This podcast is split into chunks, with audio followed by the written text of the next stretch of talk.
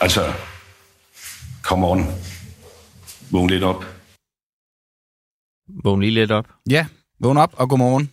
Og velkommen til den afhængige, Danmarks mest sataniske og pædofili-promoverende smørradio. Ja, det var jo en, øh, en beskrivelse, vi har fået af vores, øh, vores radio i, i kommentarfelt i går på et opslag, vi lavede om, øh, om hele Dan, Dansk Folkepartis øh, Mikkel Bjørn, øh, som vi har inviteret i studiet. Han har nemlig siddet i God Aften Live på TV2 og langet ud efter biblioteket på Frederiksberg, som i morgen har dragshow for børn på programmet. Han mener, at arrangementet er en del af en kønspolitisk dagsorden, som voksne forsøger at trække ned over hovedet på børn. Det er jo en interessant udlægning, og i hvert fald en markant øh, sådan stemme i den her øh, debat, som man må sige har været markant nok i, i forvejen og bare sig selv. Så derfor så inviterede vi ham jo selvfølgelig i studiet for at forklare over for, ja, et par børn, hvad det er, han øh, frygter af konsekvenser for øh, de her børn her. For netop at give ham mulighed for at tale med dem om det, det hele handler om, børnene. Men Mikkel Bjørn, han vil ikke stille op hos os, og han har heller ikke svaret på vores forspørgsel på Facebook. Og bare lige for en god ordens skyld, Mikkel, hvis øh, du, du hører det her, og, og det tænker jeg måske nok, at du godt kunne gøre, så kom der ud af dit øh, bjørneskjul og fortæl øh, børnene, hvad det er for en kønspolitisk indoktrinering, I vil beskytte dem imod. Og ja, så godmorgen til dig, Nicolaj Dandanel. Godmorgen, Christian Henriksen. Og vi kaster os øh, lige ud i det store øh, dragshow øh, allerede her fra klokken 7 om morgenen, fordi er der grænser for, hvad børn skal udsættes for på de danske biblioteker. På fredag afholder Frederiksberg Bibliotek i anledning af Børnenes Kulturnat øh, det her dragshow, som vi lige talte om. Det er et show for børn imellem 6 og 12 år. Det er et, et arrangement, som virkelig har delt vandene, øh, hvor man kan sige, Mikkel Bjørn er så på den ene side, og nogle kalder det for, et, for en seksualisering af, af børn, øh, Øh, og her i det, som Mikkel Bjørn han siger, en kønspolitisk indoktrinering, mens biblioteket selv kalder det for en hjertevarm historie om fire forældreløse børn, der finder kærlighed og tryghed i en familie med to øh, fædre. Og derfor så er det også interessant at blive klogere på, hvad de ansvarlige politikere vil gøre for at beskytte børnene i Frederiksbergs uskyld. Og Lotte Kofod fra øh, SF, du er formand for Kultur- og Fritidsudvalget i, i Frederiksberg øh, Byråd. Godmorgen. Godmorgen. Synes du, at det er et godt arrangement, at børnene skal se drag queens?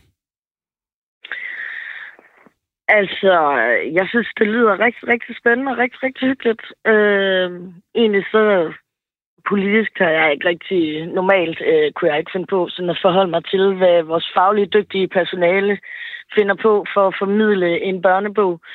Øh, men øh, de sidste dage har jo gjort, at, det, at jeg tit bliver spurgt. Jeg synes, det lyder sådan øh, glimrende, som et glimrende arrangement.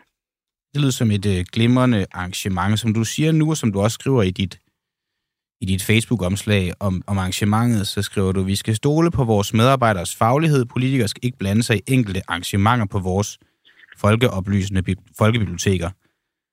Øhm, mm. Hvorfor er det, du ikke mener, at du skal blande dig? Jamen, altså, øh, jeg har, altså, bibliotekets opgave er at understøtte dem, vores demokrati og vores ytringsfrihed øh, ved at oplyse øh, borgerne omkring øh, de ting, som borgerne har brug for at blive oplyst om for at deltage aktivt i vores demokrati. Hvis jeg som politiker går ud og har holdninger til, hvad et bibliotek må øh, formidle på den ene eller anden måde, jamen så synes jeg, at, øh, at øh, vi har et problem, et demokratisk problem. Øh, og derfor så tænker jeg, at det er bedst, at vi holder vores fingre ude af det, og så lærer mm. vores øh, faglige ud, øh, uddannede personale om at styre, hvordan de gør deres arbejde, nemlig formidler kulturen til borgerne. Okay. Det ved de ret meget mere om, end jeg gør. Hvad så, hvis, øh, nu nævner du jo selv, at øh, Ja, det, det, det, det, er jo, det er jo deres opgave at oplyse og, og benytte sig af ytringsfriheden og, og også oplyse om denne. Hvis nu de så vælger på Frederiksberg Bibliotek at holde et arrangement øh, for børn mellem 6 og 12 år, hvor de viser Muhammed-tegningerne, vil du så heller ikke blande dig i det? Jamen, altså, det, det ved jeg, har vi haft nogle biblioteker, der har gjort det? Jeg, øh, altså, det, er, et- det vil jeg også bakke op, at man kan, ligesom jeg vil gøre det, når skolelærer gør det, og så videre. Men igen, øh, altså... Så du vil bakke Frederiksberg Bibliotek op i at vise Mohammed-tegningerne, hvis de kom frem jeg til, at de bakke, det? øh, hvis, de, hvis det er en faglig vurderet øh, og, øh, ting, at de gør, at vores medarbejdere finder ud af, at de gerne vil vise det, så vil jeg bakke dem op. Hvis det er inden for biblioteksloven, så vil jeg bakke vores medarbejdere op. Ja, inden for, Øhm. øh, for, for, for loven. Det følger jo bare nogle, nogle potentielle konsekvenser. Hvad så, hvis Frederiksberg Bibliotek inviterer børn til en at høre, du kan koranafbrænding godt med ved med Rasmus at spørge mig. Du kan godt... Ja, ej.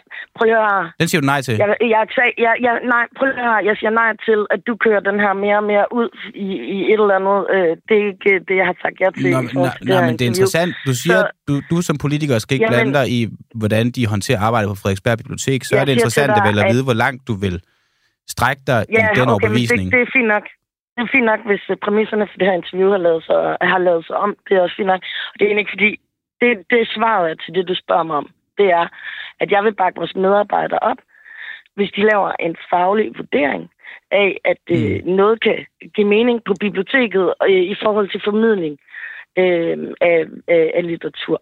Og så er det Det uanset det, jeg hvad de viser, og hvad de, øh, hvad de ligesom inviterer Hvis det børnene er til. inden for de rammer, der er i biblioteksloven og grundloven osv., så, så ja. Okay. Jamen, Det er jo, det er jo interessant. Så, så, så Mohammed-tegninger er ok, øh, koranopbrænding med Paludan er, ok, øh, bare så længe, at det er inden for øh, bibliotek, eller inden for loven, og inden for, øh, hvad sådan bibliotekets egen faglighed mener, at de kan stå inden for, så bakker du biblioteket op i det. Ja, det gør jeg selvfølgelig. Ja, Nå, men, Det håber jeg, at alle politikere vil gøre. Ja, men jamen, ja, Mhm. det er jo sådan måske både og. Jeg er ikke sikker på, at du kan få ret mange politikere Mhm. til at bakke op om at fremvise Mohammed-tegningerne.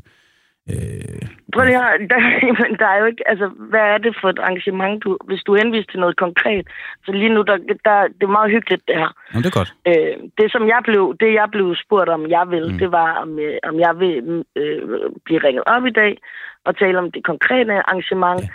Og øh, hvad hedder det? Og det, der var blevet skrevet på Facebook. Mm. Jamen, Jeg kan godt forstå, at du synes, det her det er sjovt, og, og det er jamen, det er ikke, fordi jeg synes, det er sjovt Men, øh, nej, okay. Men, men jeg synes bare, at vi burde lidt øh, aftalen for de, øh, for de rammer, der var. Nej, men jeg stiller et spørgsmål ud fra noget, du også selv nævner. Du nævner ytringsfrihed som et omdrejningspunkt for, hvorfor det er okay, at Frederiksberg Bibliotek vælger at vise det Mm. her dragshow for børnene.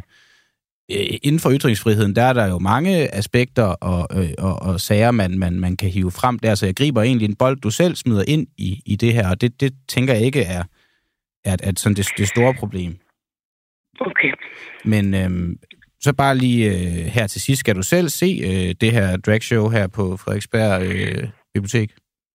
Altså egentlig så skulle jeg, vi er jo, alle kommunalpolitikere er jo lige nu taget til fætter familie, fætter kusinefest øh, i Aalborg til, øh, til KL-topmøde. Mm. Øh, så jeg skulle, og jeg skulle ind og bøde i Jylland, hvor min øh, familie bor, men øh, jeg har simpelthen besluttet mig for at, at tage med borgmesteren hjem lidt tidligere i morgen, øh, så vi kan deltage i det her arrangement og støtte op om vores medarbejdere og støtte op om de øh, dragartister, der kommer og vise, at vi selvfølgelig støtter øh, det her arrangement, og det gør vi jo bedst ved at møde op. Okay. Så, så ja, det skal jeg. Så Alright. det bliver super Ok. fint. Lotte Kofod øh, Ja. fra SF, formand for Kultur- og Fritidsudvalget i Frederiksberg Byråd. Tak fordi, at du var med sådan lidt tidligt på morgenen her hos os, og så må du have en god dag. Ja, lige, lige måde rigtig god dag til alle. Hej. Hej. Vi vil også godt have spurgt hende, om hun vil invitere dem til at komme og se Klassefesten 3. Men altså, øh, jeg følte Hvis- ikke, at øh, hun gad gå længere ned. Det Jeg var. tror, at klassefesten 3 er inden for biblioteksloven. Ja, det tror jeg også. Men Utrolig nok. om det var det, der kunne få hende til at sige, nej, så stopper vi. Ja. Nu stopper du. Det Simpelthen. spændende. Det, ved, det havde faktisk været spændende. Men det nåede vi ikke til, desværre. Nej, men øh, vi kan lige tage en, øh, en kort nyhed, inden at øh, vi går videre, Mm. måske. Nemlig, at øh, Berlingske har fundet ud af, at navneskiftet fra TV2 Løje til TV2 Cosmopol kostede 9 millioner kroner. Ja, okay. Øhm, og de er jo skattefinansieret. Ja. Øhm, og det er jo en, en rigtig god anledning til at gengive øh, vores gode chefredaktør Christoffer Eriksens malende beskrivelse, da de skiftede navn af TV2 Cosmopols nye logo. Ja. Øh, som han skrev i sit nyhedsbrev, det ligner en, en stor røv. Ja. Altså han kan godt se, at, øh, at formålet ligesom har været to globusser, der møder hinanden. Men det ligner en stor røv, der skider på skatteborgerne. Det ligner unægteligt et, øh, en, en numse. Det ligner et dumsehul. Ja. Men øh, 9 millioner kroner, det kunne man jo have fået 25 journalister til 30.000 kroner om året for Mm. øh, i et år. Men nu har man altså fået et, øh, et logo, der ligner et dumsehul. Men altså, øh, det er jo øh, nogle gange øh, forvaltning af offentlige penge, og det skal man ikke altid øh, stille så mange spørgsmålstegn ved, fordi at der er sikkert en god grund til det.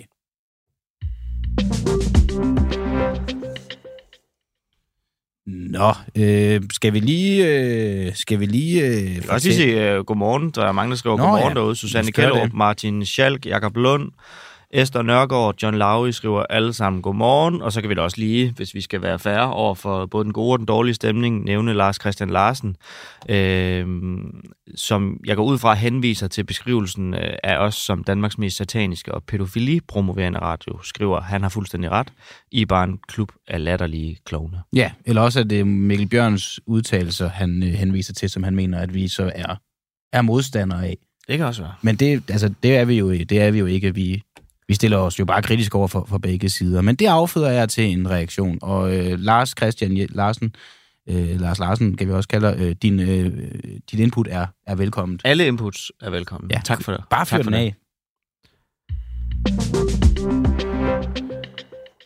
Ja, men øh, klokken den er 7.11, og øh, jeg vil bare lige fortælle dig, der sidder og lytter med, at øh, du får jo det her indhold gratis en uafhængig øh, morgen.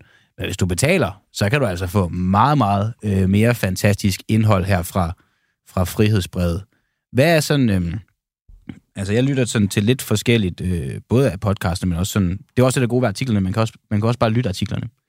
Øh, hvad, hvad er så noget af det, du sådan lytter særligt til fra Frihedsbrevet, Nicolaj? Det tør jeg ikke sige, fordi at, øh, det er vores øverste chefs øh, stuegang, jeg Ah. holder mest af. Ja. Og øh, man skal jo aldrig rose sin chef, mens der er mikrofon på. Nej. Men øh, det, er, det er det, jeg glæder mig mest til, når det kommer ud. Jamen, øh, ja, det er, det, er, det er jo ret nok, men altså, det er jo så også den, jeg bedst kan lide. Men, øh, Ah, det, det er jo er vi egentlig ulækre at høre på lige nu. Ja, men I kan jo så byde ind, jer der allerede betaler nu, og fortælle de andre, øh, der ikke betaler, hvad det er, der er jeres øh, yndlings øh, øh, dele af, af frihedsbrevet. Skal vi lige få sendt en mail? Jeg synes, vi skal sende en mail, øh, fordi at vi jo i øh, tirsdags talte med Dansk Folkepartis formand Morten Messerschmidt omkring det her pristjek, som vi også har brugt en øh, del energi på. Altså de høje priser på smør og andre fødevarer, og hele den undersøgelse, som regeringen har brugt øh, syv måneder på at, at finde frem til, siden Simon Koldov stillede sig op og sagde, nu undersøger vi, ja. øh, hvad der er op og ned i det her. Og det mente Morten Messerschmidt jo øh, heller ikke, at man kunne se ud fra det pristjek. Nej. Øh, og så spurgte vi ham så om det spørgsmål, at han har jo været bannerfører for at finde ud af, øh, hvad går det her ud på? Hvorfor er danske fødevarer blevet så dyre? Er der nogen, der tjener mere, end de skal? Hvorfor har han øh, så egentlig ikke undersøgt det? Og der sagde han, at øh, det kunne også være, at han gør det, fordi mm. det er jo så nemt. Øh, det er meget nemmere, end regeringen siger. Det er bare at ringe til Akselborg, hvor Landbrug Fødevare ligger, og så spørge. Ja, fordi de skulle nok øh, kunne vide det, og så er den faktisk måske ikke ret meget længere end det. Det lød sådan cirka sådan her, da vi snakkede med ham om det. Det er fordi, det, jeg fortæller dig, det der skal gøres, det er, at man kontakter Akselborg og siger, prøv at høre, hvordan er prisdannelsen på smør i Danmark? Hvordan kan det være, at jeres produkter de sælges billigere i for eksempel Østrig og Holland og andre steder? Og så må de jo komme med en redegørelse. Altså, øh, regeringen har haft en eller anden tilgang til det om, at så skal man sende en hel masse embedsmænd rundt og lave et helt masse pristjek en hel masse supermarkeder osv. Man kunne jo bare gå til producenten. Men hvis det er så nemt, Altså, Morten, hvorfor har du så ikke bare selv gjort det? Du siger selv, du har ikke gjort yderligere siden den 23. februar, men nu siger du så, nu kan jeg så høre, du lige når siger, at det kan også være, at du gør det, men det kunne du have, det kunne du have gjort for længst. Jamen, nu, nu er det, jo ikke, det, er- det er jo ikke mig, der har udøvende magt i det her land.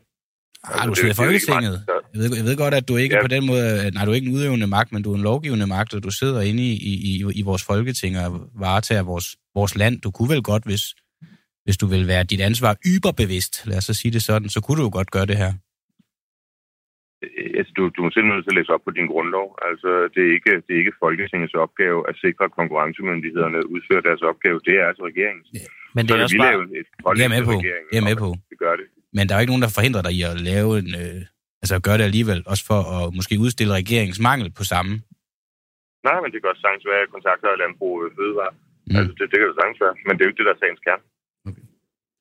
Jamen, øhm, Morten Messerschmidt, formand for Dansk Folkeparti, tusind tak, fordi du var med. Så lad os lige snakkes ved, Jamen, når du har hørt fra Landbrug og Fødevare. Ja, I kan jo også bare ringe dem. Altså, I øh, er jo lige så del, meget del af en kontrollerende myndighed. Vi kan gøre det sammen, Morten. Jamen, det er fint. Vi vi bare bare CC. Vi sætter ham bare øh, CC. Og så har vi jo faktisk øh, ringet til, til Axelborg, som yes. så bad os om at sende en, en mail, Yes. hvor vi stiller vores spørgsmål. Og hvad svarer de der? De skriver, øh, kære Mads, det er journalisten, der har henvendt sig herfra. Tak for henvendelsen om pristjek. Vi kan ikke bidrage med ny viden i forhold til det, som allerede har været ude tidligere. Nå, så øv, Morten, men lad os... Vi må på den igen. Ja, kan Men, du ikke, øh, øh, skal vi, ikke sende den her til ham? Få den her sendt til Morten Messerschmidt. Det kan. Så kan du sige, hvad der skal ske nu. Jamen, øh, okay. Nu skal vi finde ud af, om det er i orden, at de syv nye milliarder til Ukraine blandt andet bliver taget fra ulandsbistanden. På et pressemøde i går præsenterede regeringen og alle regeringspartier på nær Enhedslisten og Alternativet en ny Ukrainefond, der i alt skal donere 7 milliarder til Ukraine, hvor langt størstedelen skal gå til våben og militær. Og det skal så altså blandt andet med over en milliard finansieres fra ulandsbistanden. Christian Friis Bak, udenrigsordfører for de radikale. Godmorgen. Godmorgen. Vi skal lige starte med at finde ud af, for det synes jeg har været lidt, øh, lidt svævende i luften, om det her egentlig er en god eller en dårlig aftale, når man spørger de radikale. Det er, en, det er en rigtig god aftale. Det er et godt signal til Ukraine, at vi står sammen, og vi står bag dem. Okay.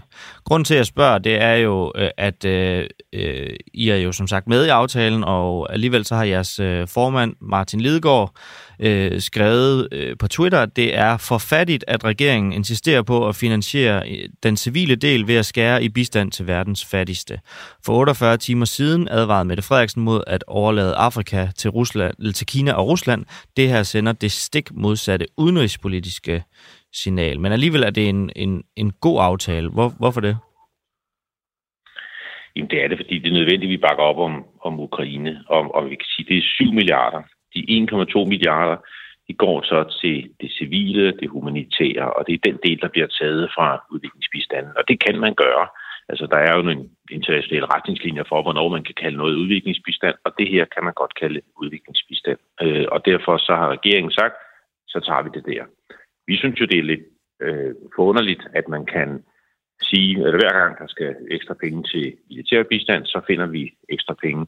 Og når vi skal have penge til det civile, det humanitære, Mm. så tager man dem fra en ramme, man allerede har sat af. Og de her penge bliver derfor, kan man sige, på en, på en vis måde ikke betalt af danskerne. Det bliver betalt af lande i Afrika, øh, nogle i Asien. Det kan være, det kommer fra Afghanistan. Det kan være, det er den støtte, som give til Somalia, øh, som kommer til at betale for en, et yderligere engagement i Ukraine. Jo. Og altså, hv- hvis man kan sige, hvis det er så problematisk, altså, så kan man jo stille det spørgsmål, hvorfor I så egentlig er med i, i aftalen, når I nu øh, ikke bryder jer om den finansiering. Jamen, vi ønsker ikke at udstille nogen som helst form for splittelse. Altså, vi ønsker, der skal være et meget bredt og stærkt sammenhold bagved øh, initiativer øh, og opbakningen til Ukraine, og derfor så står vi bag den her aftale, som vi overordnet set er glade for. Vi synes bare, at det her det er et ærgerligt øh, signal, og det ene er substansen, man tager det fra nogle af verdens mest fattige mennesker. Mm. Det er dem, der i virkeligheden kommer til at betale for det. Men det andet er det sådan strategiske signal i det her. Fordi vi har jo set, hvordan når du har afstemninger i FN's Sikkerhedsråd, når øh, vi beder om støtte til, at vi blokerer for Rusland i den olympiske komité, så er der jo rigtig mange lande, øh, også i Afrika, som tøver lidt, øh, og som ikke ønsker at vælge side mellem Mm. øh, Vesten og Rusland. Så vi har brug for deres støtte, og når nu de, de ser, at det er sovnegivet os, der skal betale for indsatsen i Ukraine, så bliver det måske endnu sværere at mobilisere støtte til den koalition, vi har. Ja. Og på den lange bane er det strategisk forkert, fordi vi ønsker at stærkere partnere ude omkring i verden. Øh, Det bliver sværere og sværere for venner i en tid, hvor Rusland og Kina de byder sig til ude i verden. Og også der er det det forkerte strategiske signaler at tage penge her. Så, så der er mange grunde til, at det, det er en dårlig idé, men vi kunne ikke få opbakning til vores synspunkt hos regeringen, øh, og nok heller ikke hos nogle af de andre aftalepartier. Så dermed var der jo et bredt flertal for fonden. Vi ønsker ikke at udstille splittelse. Vi ønsker at blive sammenhold, og derfor bakker vi op. Men du siger også, at, øh, at øh, det, der også er vigtigt ved aftalen, det er, at det sender et stærkt signal. Altså når man nu er, er, er så uenig i, at pengene så skal tages fra Afrika, som du jo selv øh, nævner, så kunne man jo også have sendt et øh, stærkt signal og så sige, så holder vi os uden for det her, hvis ikke vi finder en øh, mere øh, human, lad mig øh, formulere det på den måde, finansiering til støtten til Ukraine. Altså nu kan du sige, at det er 7 milliarder og 1,2 milliarder bliver taget fra udviklingsbistanden. Mm. Øh, sidste år var det faktisk 1,4 milliarder, man tog fra udviklingsbistanden.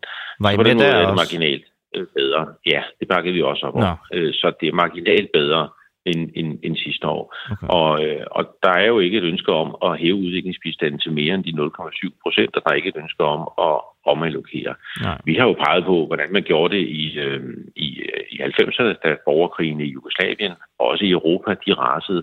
Der etablerede man en katastrofefond, fordi man, man så, at der var behov for yderligere finansiering, når krigen rasede i, i Europa, og vi synes, man skulle have gjort det samme den her gang. Ja. Og det har vi argumenteret indæt for. Så indæt, så der blev et lidt anstrengt øh, smil hos uh, chefforhandlerne.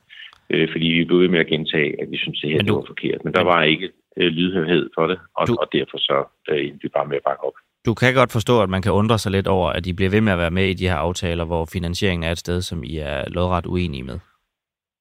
Ja, helt sikkert. Det kan jeg godt forstå, men, men, men det er jo sådan uh, i politik, at uh, man kan ikke få alt, hvad man peger på, især ikke når man er uh, kun syv mandater, som Men du, vi er. du siger selv, at... Uh, vi, at vi har altid stået. Ja, du siger, nu siger du, at man kan ikke få alt, hvad man peger på, men tidligere der sagde du også, at uh, regeringen vil ikke imødekomme jeres krav, og I plejer jo at sige, at det er bedre at være med og så få indflydelse, end at være udenfor.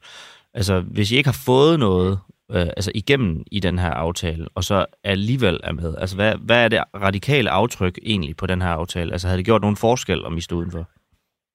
Jamen det er radikale aftryk er blandt andet øh, det, øh, der ligger i aftalen om, at vi også skal have fokus på øh, virksomheder, arbejdspladser, indkomst i Ukraine. Øh, det er bestemt radikale øh, bidrag til, øh, til forhandlingerne.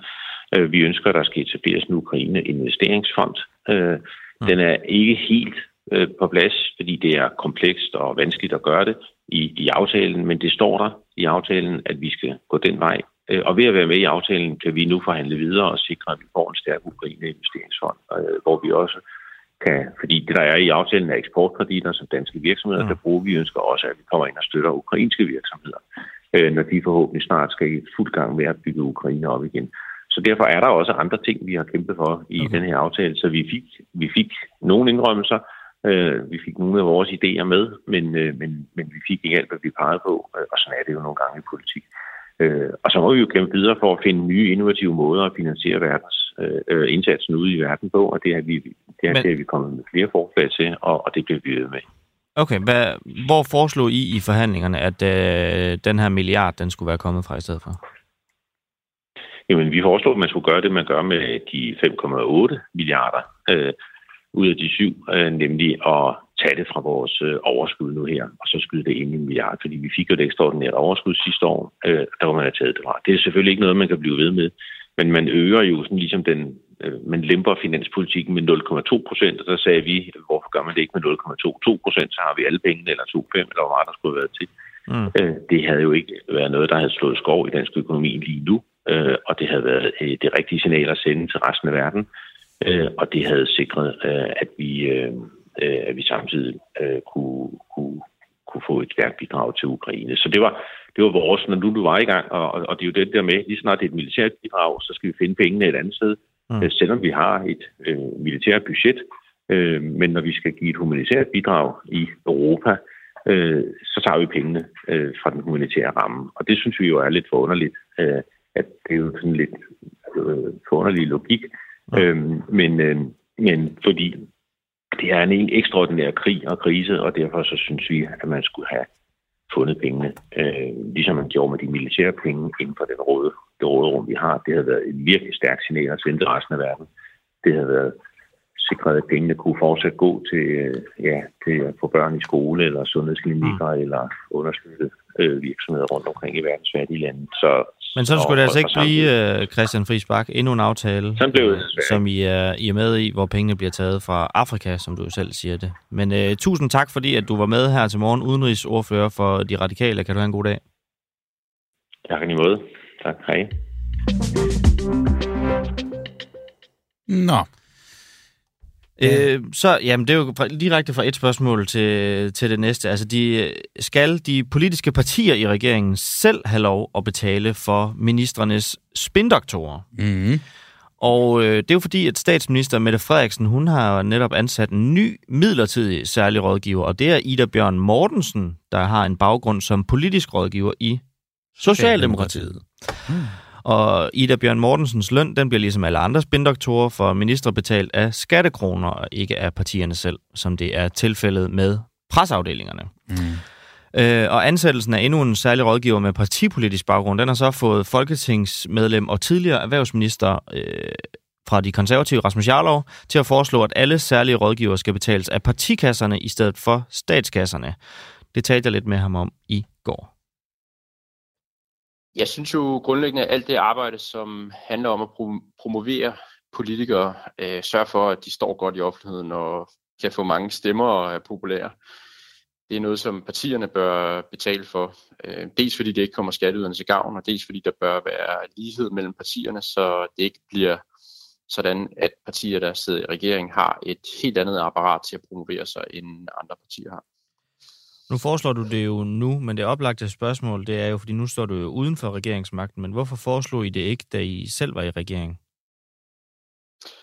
Jamen, øh, vi foreslår det sådan set stadigvæk ikke. Øh, det er jo bare mig, der fremfører et øh, okay. synspunkt. Og øh, jeg har ment det her længe, øh, men jeg undrede mig selvfølgelig især over det, da jeg selv blev minister og fandt ud af, hvor stort et apparat man faktisk har til rådighed. Mm. Altså det er jo som at gå fra at sidde i en øh, lille gammel Fiat, øh, hvor man kan give den lige så meget gas, man vil, men man rykker ikke noget, til at sætte sig over en Formel 1, hvor du har et kæmpe apparat øh, og et hav af personlige assistenter til at hjælpe dig med at promovere dig selv, øh, og du næsten ikke skal trykke på speederen, før det, det rykker noget. Men... Så, øh, så, så det har selvfølgelig været en øjenåbner for mig øh, at prøve at være minister og opdage, øh, hvor enormt mange mennesker man har til at hjælpe med mm. at promovere sig i hverdagen. Men du har jo egentlig også flere af øh, dine konservative folketingspolitikere, som også har været minister tidligere. Altså, når du nu øh, mener det her og påpeger det, hvorfor er det så egentlig ikke konservativ politik? Hvad er grunden til det? Altså, jeg har ikke haft lejlighed til at diskutere det med, med partiet. Det er jo en diskussion, der dukker op i forbindelse med, at jeg så i går, at der blev ansat endnu en uh, særlig rådgiver. Mm.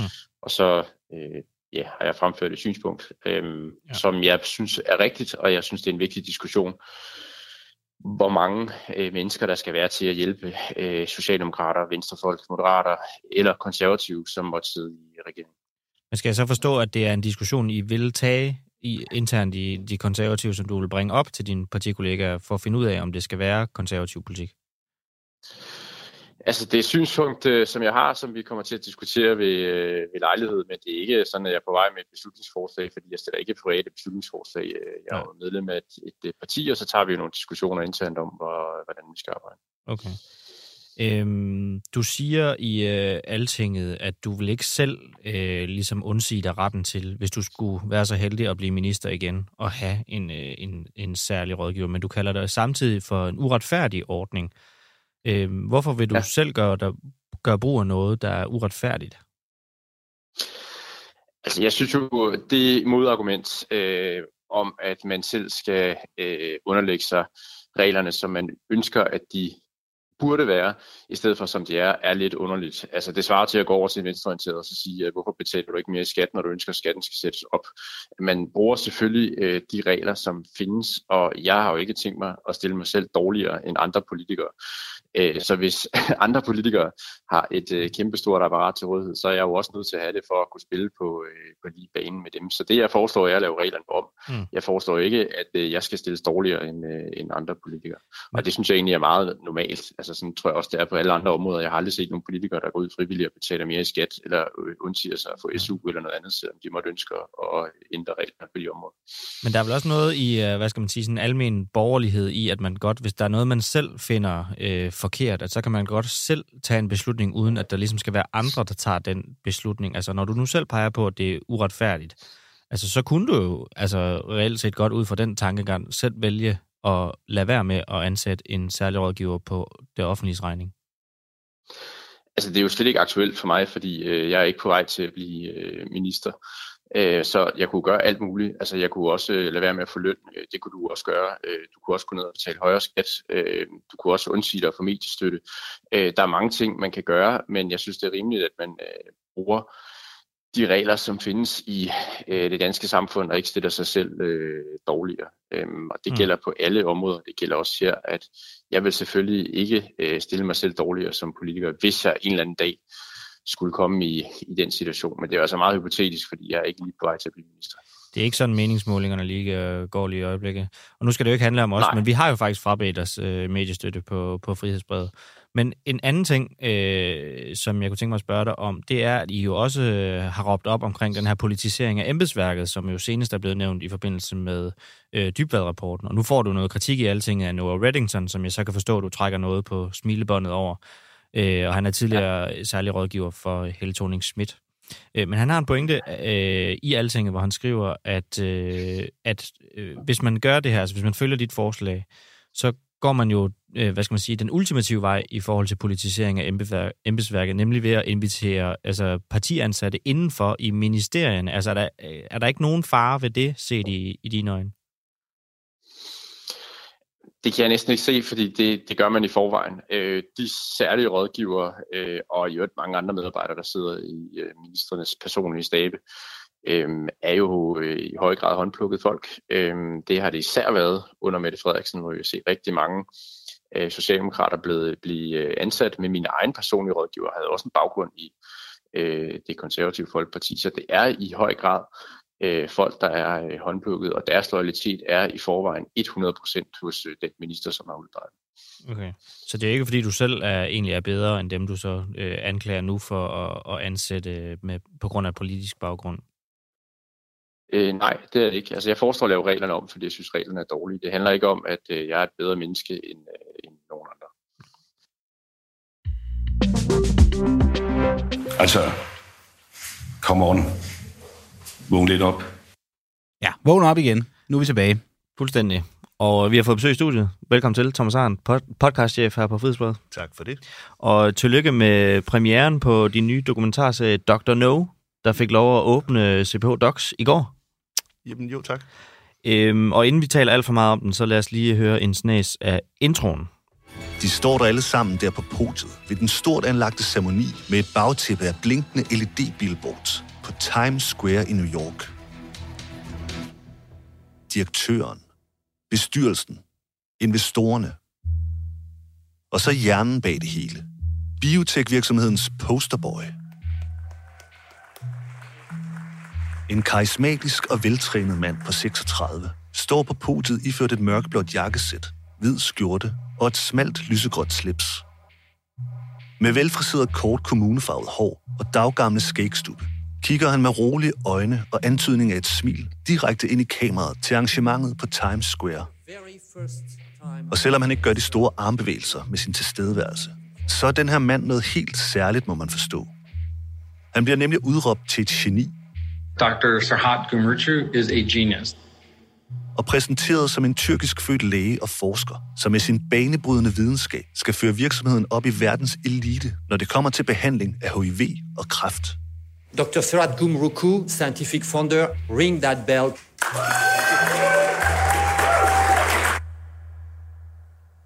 Men der er et problem.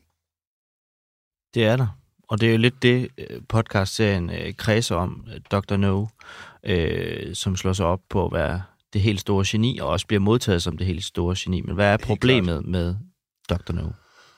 Jamen altså, det helt store problem med Dr. No, det er, at stort set det meste af det, han siger, det er noget, han finder på. Han er ikke læge. Han er ikke forsker. Altså i virkeligheden er det, der sådan er bedst dokumenteret øh, sådan inden for hans beskæftigelsesområde, det er, at han er en tyrkisk født tryllekunstner, som øh, netop har optrådt med det her kunstnernavn, Dr. No.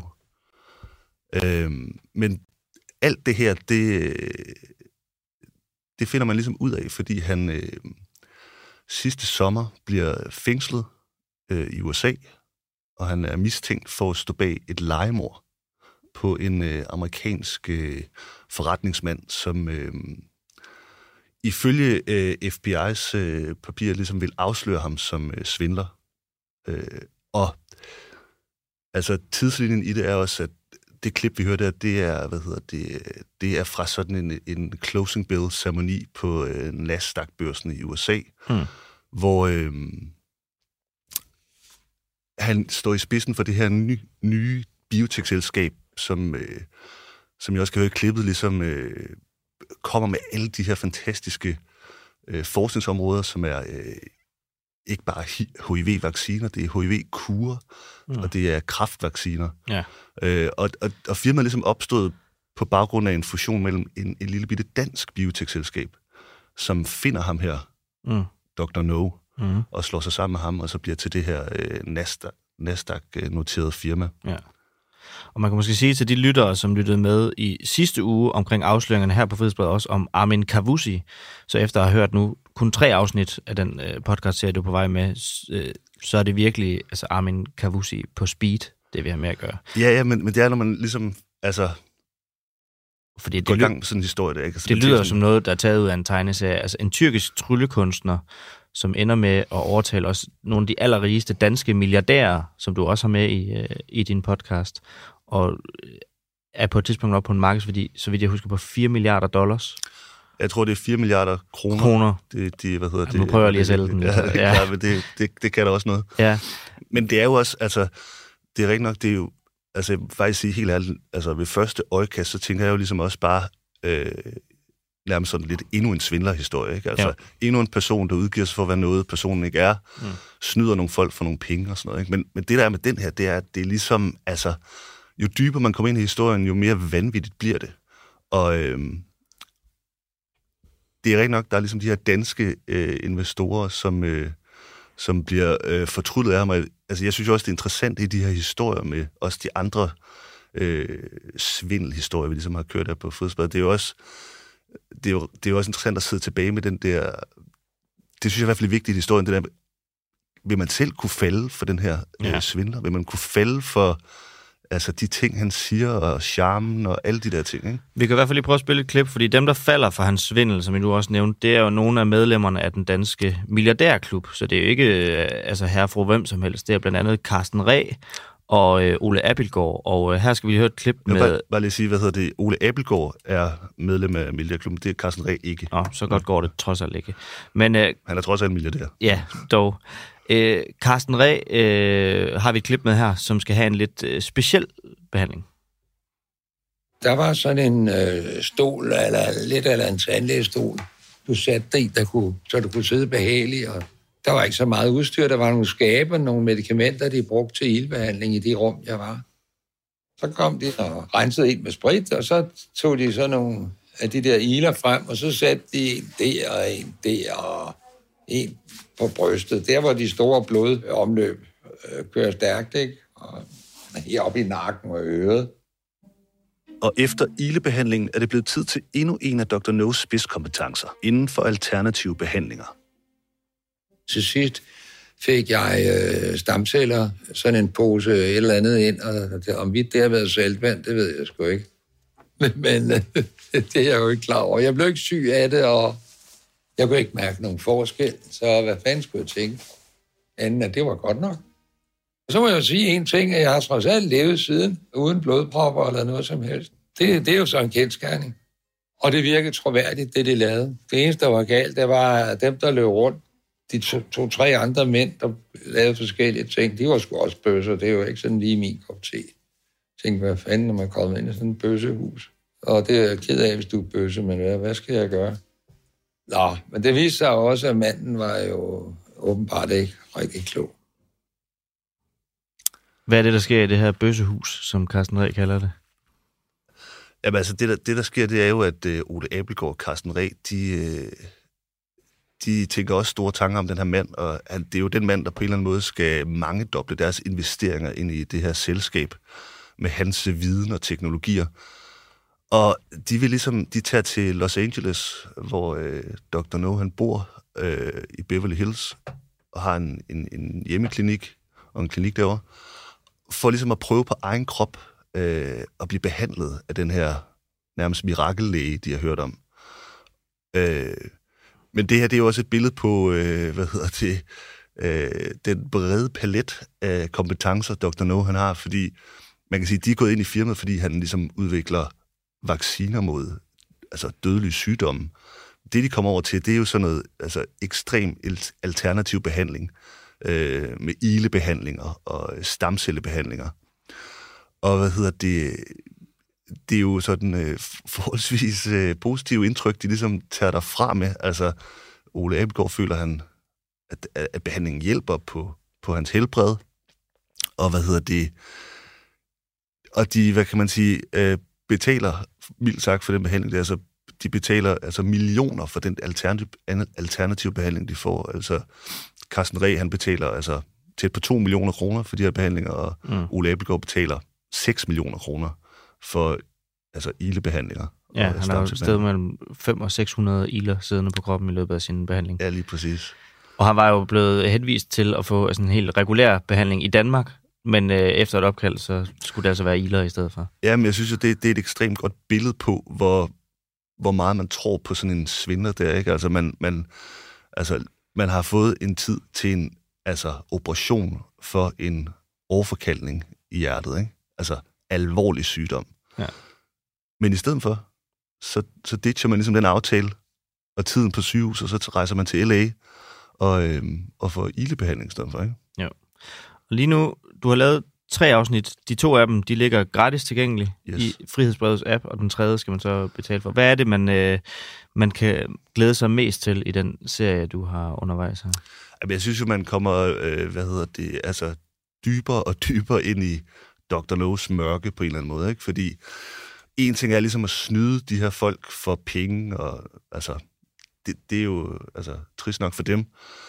Men der er jo også altså, kraftpatienter i det her, som han, øh, som jo tror på, at den her mand kan hjælpe dem at tage rejse til ham for, for behandlinger og sådan noget, ikke? Øh, og, øh, og det, altså, det, det synes jeg bare, det er sådan, øh, øh, altså det er helt op på øh, ondskabsbarometeret i min bog, for det, det er jo også, det er jo kraftsyge børn og sådan noget, ikke? Der, øh, hvor familierne bliver snydt for 100.000 vis af dollars øh, for de behandlinger der, ikke? Ja, Christian, så skal du ja. altså op. Ja, men det er en, faktisk en gæst, der er på vej ind, der kommer her lige om lidt.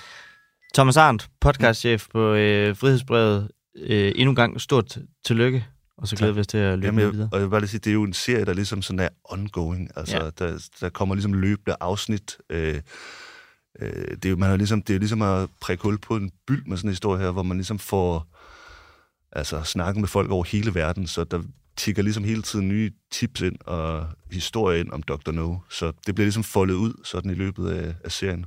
Det glæder vi os til at, at følge med i, og det kan du altså også følge med i, hvis du øh, bliver medlem og vil høre mere end bare de to afsnit. Det koster 79 kroner om måneden eller 749 kroner for et år. Ja, og inden vi lige hopper videre, så synes jeg lige, vi skal stille spørgsmålet, om regeringens mange udvalg og råd er et redskab til at holde befolkningen for nar. Vi kortlagde på friheds, frihedsbrevet i tirsdags var det alle de udvalg og råd, som regeringen varslede i regeringsgrundlaget for over tre måneder siden, men som endnu ikke er nedsat. Det var altså råd, der skulle løse nogle af tidens store kriser og, og generelt øh, håndtere nogle af alle de øh, lortesager og og, og, og, og problemer, regeringen har haft tidligere, vores land ligger inde med. Der var faktisk ikke grænser for, altså, hvor store samfundsudfordringer, der skulle løses med de her øh, kommissioner, udvalg og ekspertgrupper. Nej, og det skulle også gå relativt hurtigt, men det til trods, så er de alligevel ikke blevet nedsat endnu. Der er faktisk ikke rigtig sket, undskyld, jeg siger det, en skid. Ifølge Steffen Larsen, retsordfører i Liberal Alliance, så er der tale om syltekrukker. Han siger, citat, ordet syltekrukke får jo en helt ny betydning, for nu har man også syltet det at få dem i gang. Det er nærmest dobbeltsyltning, siger Steffen Larsen. Det er fordi, man, når man nedsætter sådan nogle øh, udvalg og råd, så er det tit en måde sådan at sylte en eller anden lortesag, som for eksempel FSN. Nu vil jeg bare lige prøve at se, hvor mange af de her øh, sylteråd og sylteudvalg, vi lige kan nå lidt op på, på et minut, fordi der er, der er godt nok øh, mange. Er, er, er du klar til, at, øh, at, at, vi, at vi kører ud af? Lad os køre alle partier var enige om før valget, at der skulle penge til sygeplejersker, og sundhedssystemet skulle reformeres. Men først skulle en strukturkommission lige se på, hvordan man kunne gøre det smart. Den er så ikke lige kommet i gang endnu.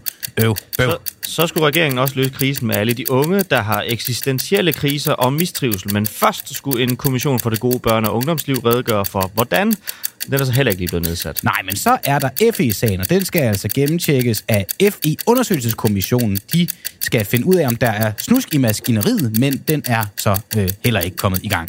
Efter Mink-skandalen, hvis det altså overhovedet er en skandale, Mette Frederiksen, der skulle øh, Justitsministeriet stå skoleret, en ekspertgruppe om Justitsministeriets ressort, og arbejdet skal sikre, at organerne i vores vigtigste ministerium ikke er rådne. De kan så ikke lige heller komme i gang, for gruppen er ikke blevet sammensat. Nu vil vi have travlt, men så skulle der en gang for alle kigges på mediernes adgang til magthaverne. Et savkyndigt udvalg om en ny offentlighedslov skulle klare den. Lad os håbe, de finder ud af det, hvis de nogensinde kommer i gang. Udvalget er ikke nedsat. Ah. Det var sgu Hvad nåede vi? Nåede vi? halvvejs. Når vi nåede ikke engang halvvejs. 1, Nej. 2, 3, 4, 5. 5 nåede vi. Og der var en, en 11 stykker, var det ikke det? Jo. Nå, øv, bøv.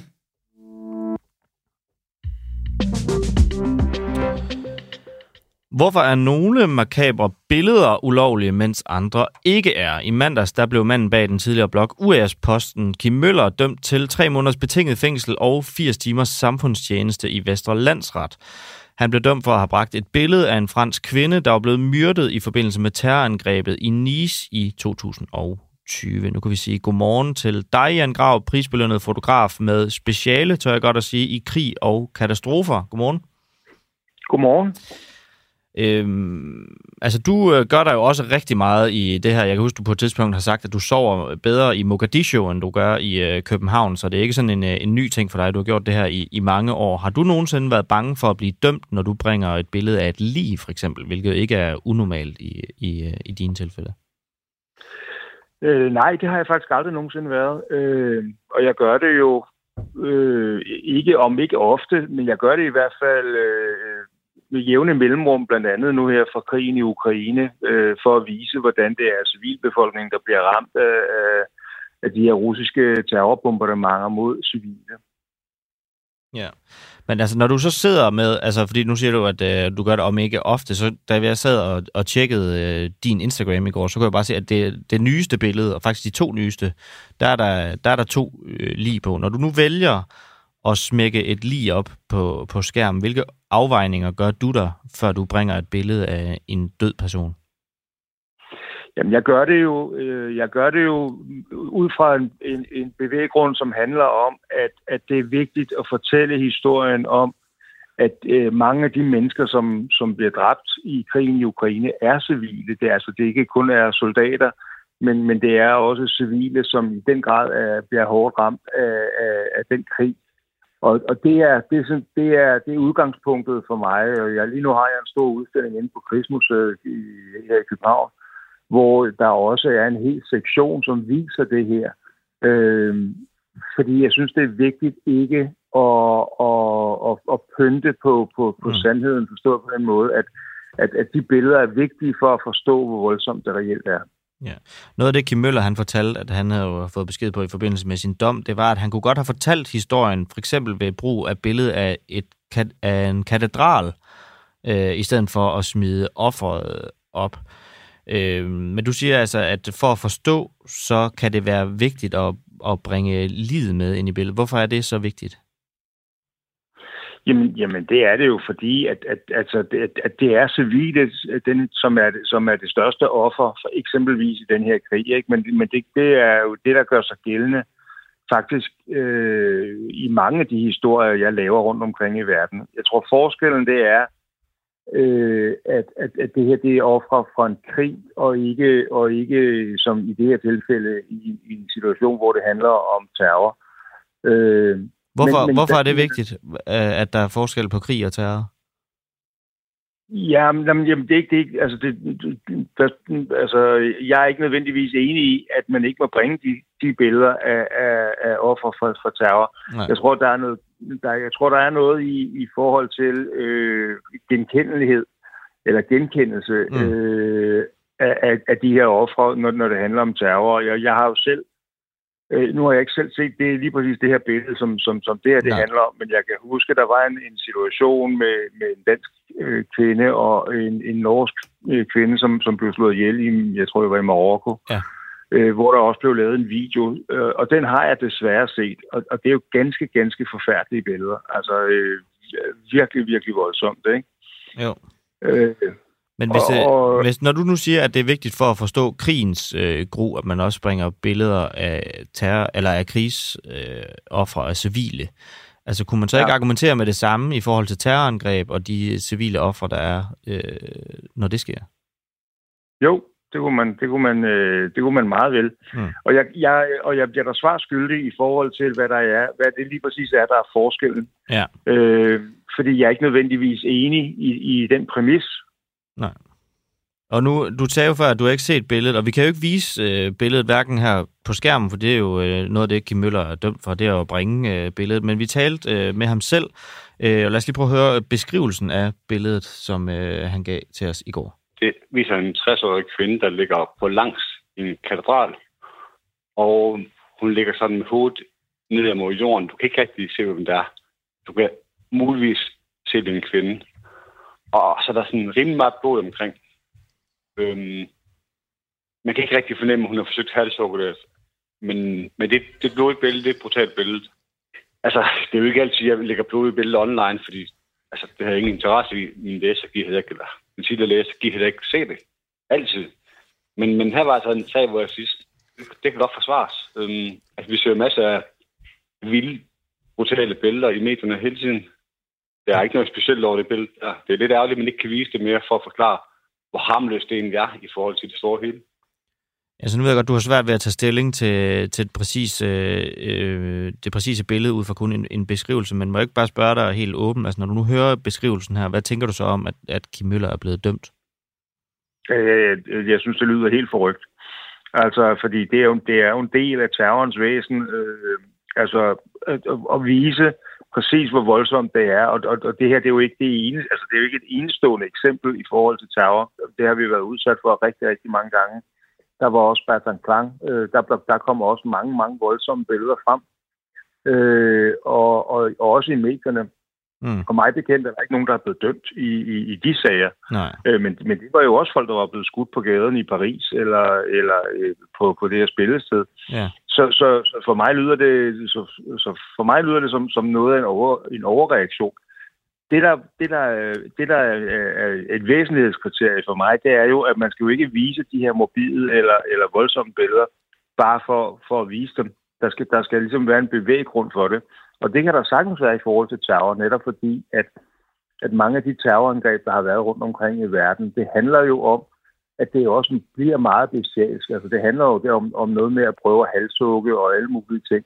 Mm. Så, så, så, så øh, jeg kan godt have, have svært ved at, at vurdere eller, eller se, hvad der er forskellen. Mm. Altså ud fra det, du nu ved nu, ud fra den her øh, beskrivelse her, og det du også øh, nævner her om afvejninger for og imod osv., altså vil du have bragt det her billede, hvis det er, som Kim Møller beskriver det her? Ja, det vil jeg. Okay. Vil Altså, du ikke... øh, u, øh, u, ubetinget. Altså, det, det, der, er, der, der er slet ikke nogen tvivl.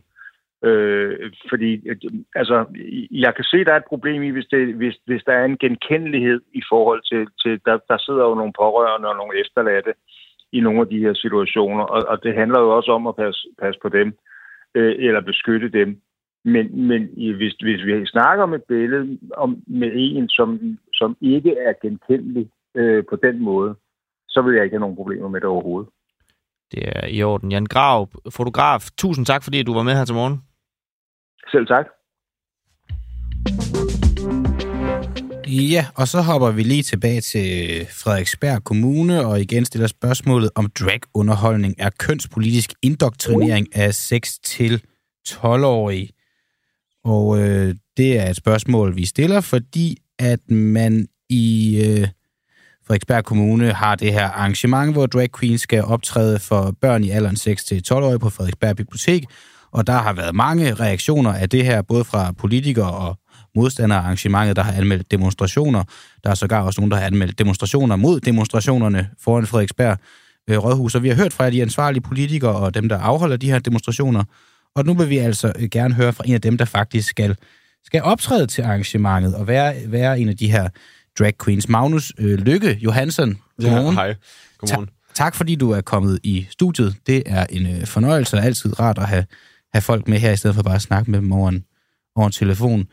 Dit øh, dragnavn, det er... Det er Diana Diamond. Diana Diamond, ja. og det er hende, du kommer til at være på Frederiksberg Bibliotek på, øh, På fredag, på fredag ja. ja. Det er hende, jeg skal optræde som, ja. I morgen er det jo faktisk allerede. Øhm, hvis vi bare lige skal starte med nogle af de her reaktioner. Øh, hvilke reaktioner har du modtaget på baggrund af, at du skal optræde på Frederiksberg Bibliotek? Altså, jeg har jo desværre modtaget en, øh, en del negative reaktioner på det, og en del negative henvendelser. Øhm, folk i kommentarsporene har kaldt mig pædofil og groomer, øh, og jeg har egentlig også modtaget dødstrusler for at skulle holde det her arrangement. Hmm. Øhm, efterfølgende har jeg så også modtaget helt vildt mange positive henvendelser, øh, efter jeg stod frem med de her, øh, og, sat fokus på, at jeg havde modtaget de her hadebeskeder og dødstrusler, så der er rigtig mange mennesker, der har henvendt sig øh, enormt positivt og opbakende og, og støttende omkring det arrangement, vi skal holde. Øhm, Okay. Ja. Og der har jo været... Øh, og alle de her reaktioner, de er skabt ud fra, i hvert fald hvad jeg lige kan se på Twitter og på Facebook, mange forskellige udlægninger af, hvad der, er, der skal foregå. Der er nogen, der siger, der skal være øh, decideret stripshow, der er nogen, der siger, der skal være simpel børneoplæsning, så er der nogen, der siger, der skal være bare musik og dans. Kan du ikke lige, du ved jo om nogen, hvad der skal ske. Kan du ikke lige kortlægge for os, hvad er det, der skal ske i morgen? Øh, Jo, men i morgen der skal jeg sammen med min gode kollega Didi Cantarella optræde som øh, to prinsesser. Mm. Øhm, vi skal lave, vi skal lipsynke og, og performe til en række Disney-sange, en, nogle kendte Disney-børnesange. Vi skal lave nogle øh, danseleje, for eksempel øh, Hoved, skulder, knæ og tå og Macarena. Øh, og så slutter vi det hele af med at puste glitter på hinanden og, og tage det i ansigtet og hygge øh, og sprede positive vibes og, og glæde omkring ja, Disney-musik, prinsesser, glimmer. Okay. Og øhm, sådan, det lyder jo i sig selv øh, børnevenligt. Det folk, de reagerer på, det er, øhm, hvordan en drag queen ser ud. At øhm, i og med, at man ligesom er øh, du en mand, der skal optræde som værende en, en, en drag queen, altså et, et, et person, der ligner en kvinde, så mm. fremhæver man nogle af de kvindelige øh, former, øh, og det er deri det, som nogen mener kan være seksualiserende, opstår. Øh, altså man kan se øh, bryster i, i højere grad, end, end hvis man, man øh, havde en helt almindelig... Ja, nu sidder du her i turtleneck. Det kommer du nok ikke til at have på som drag queen, kunne jeg forestille mig. Ej, jeg optræder ikke generelt i, i turtleneck. Jeg har nogle øh, ret flotte kostymer på, og faktisk også, altså sådan, jeg er jo professionel øh, skuespiller, så Mm. jeg ved godt, hvordan man tilpasser de forskellige shows til de forskellige målgrupper, så selvfølgelig kommer jeg ikke i noget øh, øh, udfordrende seksuelt tøj i morgen. Jeg kommer i min største prinsessekjole, i mit flotteste hår, i mit flotteste makeup. Altså, jeg kommer til at være en, en Disney-prinsesse in real life. Øhm, Og hvad er så det børnevenlige i, at drag queens skal optræde for børn? Altså det børnevenlige er jo, at vi kommer til at optræde til øh, kendte børnesange. Øh, Men det, det er, ligesom... nu tænker jeg, det at det er to drag queens, der skal optræde for børnene. Hvordan er det børnevenligt? Jamen, det, det er det, fordi vi gør det børnevenligt. Okay. Altså, vi, vi kommer jo til at, at tilrette det her show efter målgruppen, som vi så plejer, når vi er ude og optræde for børn. Øhm, vi kommer til at, at inkludere børnene, og vi kommer til at være sådan, at de skal synge med, de skal danse med, de skal hygge sig. Øhm, ligesom et, et hvert andet børneshow. Må jeg spørge noget? Ja. Fordi noget af det, der også var nogen, der har været bekymret over, det er de her, som du lidt nævner også, de her seksuelle undertoner, som man jo også ser i øh, dragshows. Altså, når I, du siger, at I skal danse og sådan noget, vil der så være altså, seksuelle, øh, sensuelle måske øh, bevægelser med i det her, som børnene ligesom skal danse med på? Nej. Vi kommer, Ingenting. vi kommer til at, at twirle, at dreje rundt i vores store prinsessekjoler, øh, og lave nogle øh, bevægelser med armene, som om vi er under vandet. Tang, vi kommer til at blæse med sæbebobler. Altså, der kommer ikke til at være nogen seksuelle undertoner. Så det her med, at der er nogen, der har beskrevet, hvordan at øh, drag queens vrider sig på scenen, for at det sådan nærmest minder om et stripshow, det kommer der ikke til at være noget af. Nej, jeg kommer ikke til at tage noget tøj af i morgen. Du kommer ikke til at tage noget tøj af. Mm. Øh, det er måske meget godt lige at få pointeret det, for det har også været noget af det, som nogen har harceleret imod. Øhm, er der... Øhm, jeg kunne bare godt tænke, du nævner, du når lige sådan selv at gå lidt ned i, hvordan den her udklædning ser ud, som du skal have på. Kan vi prøve at gøre det sådan lidt mere konkret, sådan fra, fra top til, til bund af udklædning? Hvordan sådan udarter det sig? Jamen, på toppen af mit hoved, der skal jeg have en, øh, en kæmpe stor peruk. Øhm, så kommer jeg nok til at have et, et, øh, hvad hedder sådan, en, et halskæde på, og så har jeg så en, øh, en, en kjole på, der går fra øh, mine skuldre og helt ned til gulvet. Så noget, som mange kan være bekymret for, det er, at der er sådan en vulgær fremhævning af, af bryster. Kommer der til at være det i den kjole? Nej, det gør der ikke. Kan man se noget bryst over hovedet? Altså sådan, du ved, bare hud. meget nedringet, bare hud? Du kommer til at kunne se mine, mine arme og mine hænder. Ja, men jeg tænker sådan her ved sådan kavalergang. Mm, nej, bryst. det gør du Det ikke. kommer man ikke til at kunne se. Kan man se noget af det undertøj, du kommer til at have på? Nej, det Nej. kan man ikke. Øh, jeg kommer også til at have øh, rigtig mange lag på indenunder, så der vil slet ikke være noget hud overhovedet. Mm. Øhm, Nå, jamen så er der jo ikke... Så det, det lyder jo så ikke til, at det er det her, det her stripshow. Så, men det lyder så også til, at der er... Vi skal nemlig til at slutte af nu, men jeg bare godt lige have spørge til sidst. Et normalt dragshow for dig, sådan, som du normalt fremfører dem, er der noget, der adskiller sig deri fra det, du kommer til at gå, gøre foran børnene? Jamen, jeg laver rigtig mange forskellige øh, slags drag shows. Men hvis du skulle gøre det på en, en klub, hvor der kommer voksne mennesker, Jeg øh, spiller som regel bare efter øh, humoren og prøver at skabe en god stemning. Øh, så jeg kommer nok...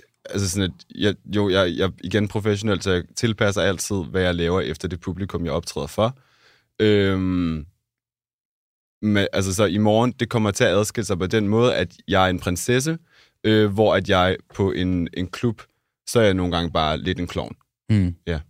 er der noget tøj, du plejer at have på på en klub, eller hvordan du ellers vil gøre, som du ikke vil tage på til et børneshow? Mm. Altså det, det, jeg har, de fleste ting, jeg har, er rigtig øh, flotte og store og prinsesseagtige. Øh, så har jeg også noget, der ikke, øh, jeg ikke vil tage på til et børneshow. Okay. Øh, som jeg selvfølgelig heller ikke kommer til at tage på til et børneshow. Øhm, Alright. Magnus Lykke Johansson, øh, drag queen og øh, medvært i øh, dragunderholdning i børnehøjde, som skal afholdes på Frederiksberg Bibliotek i, i morgen. Øh, og så øh, tager jeg også bare lige dit øh, kunstnavn, Diana Diamond. Ja, tak. Tak fordi, at du var med her til øh, morgen og, øh, og gør os klogere på, hvad det er, der rent faktisk øh, skal ske i morgen. Jeg regner med, at vi har en, øh, en reporter på, på pletten til at, at, at komme og se med til showet. Mm. Nikolaj Dandanel, Christian Henriksen. Tak fordi, at øh, du også var her, og det er tak til, fordi jeg også var her. Ude i regien, der sad Oliver Nubbenau og styrede øh, knapperne og spiste en hel masse slik. Og Peter Svarts, han var redaktør på programmet. Ha' en god dag.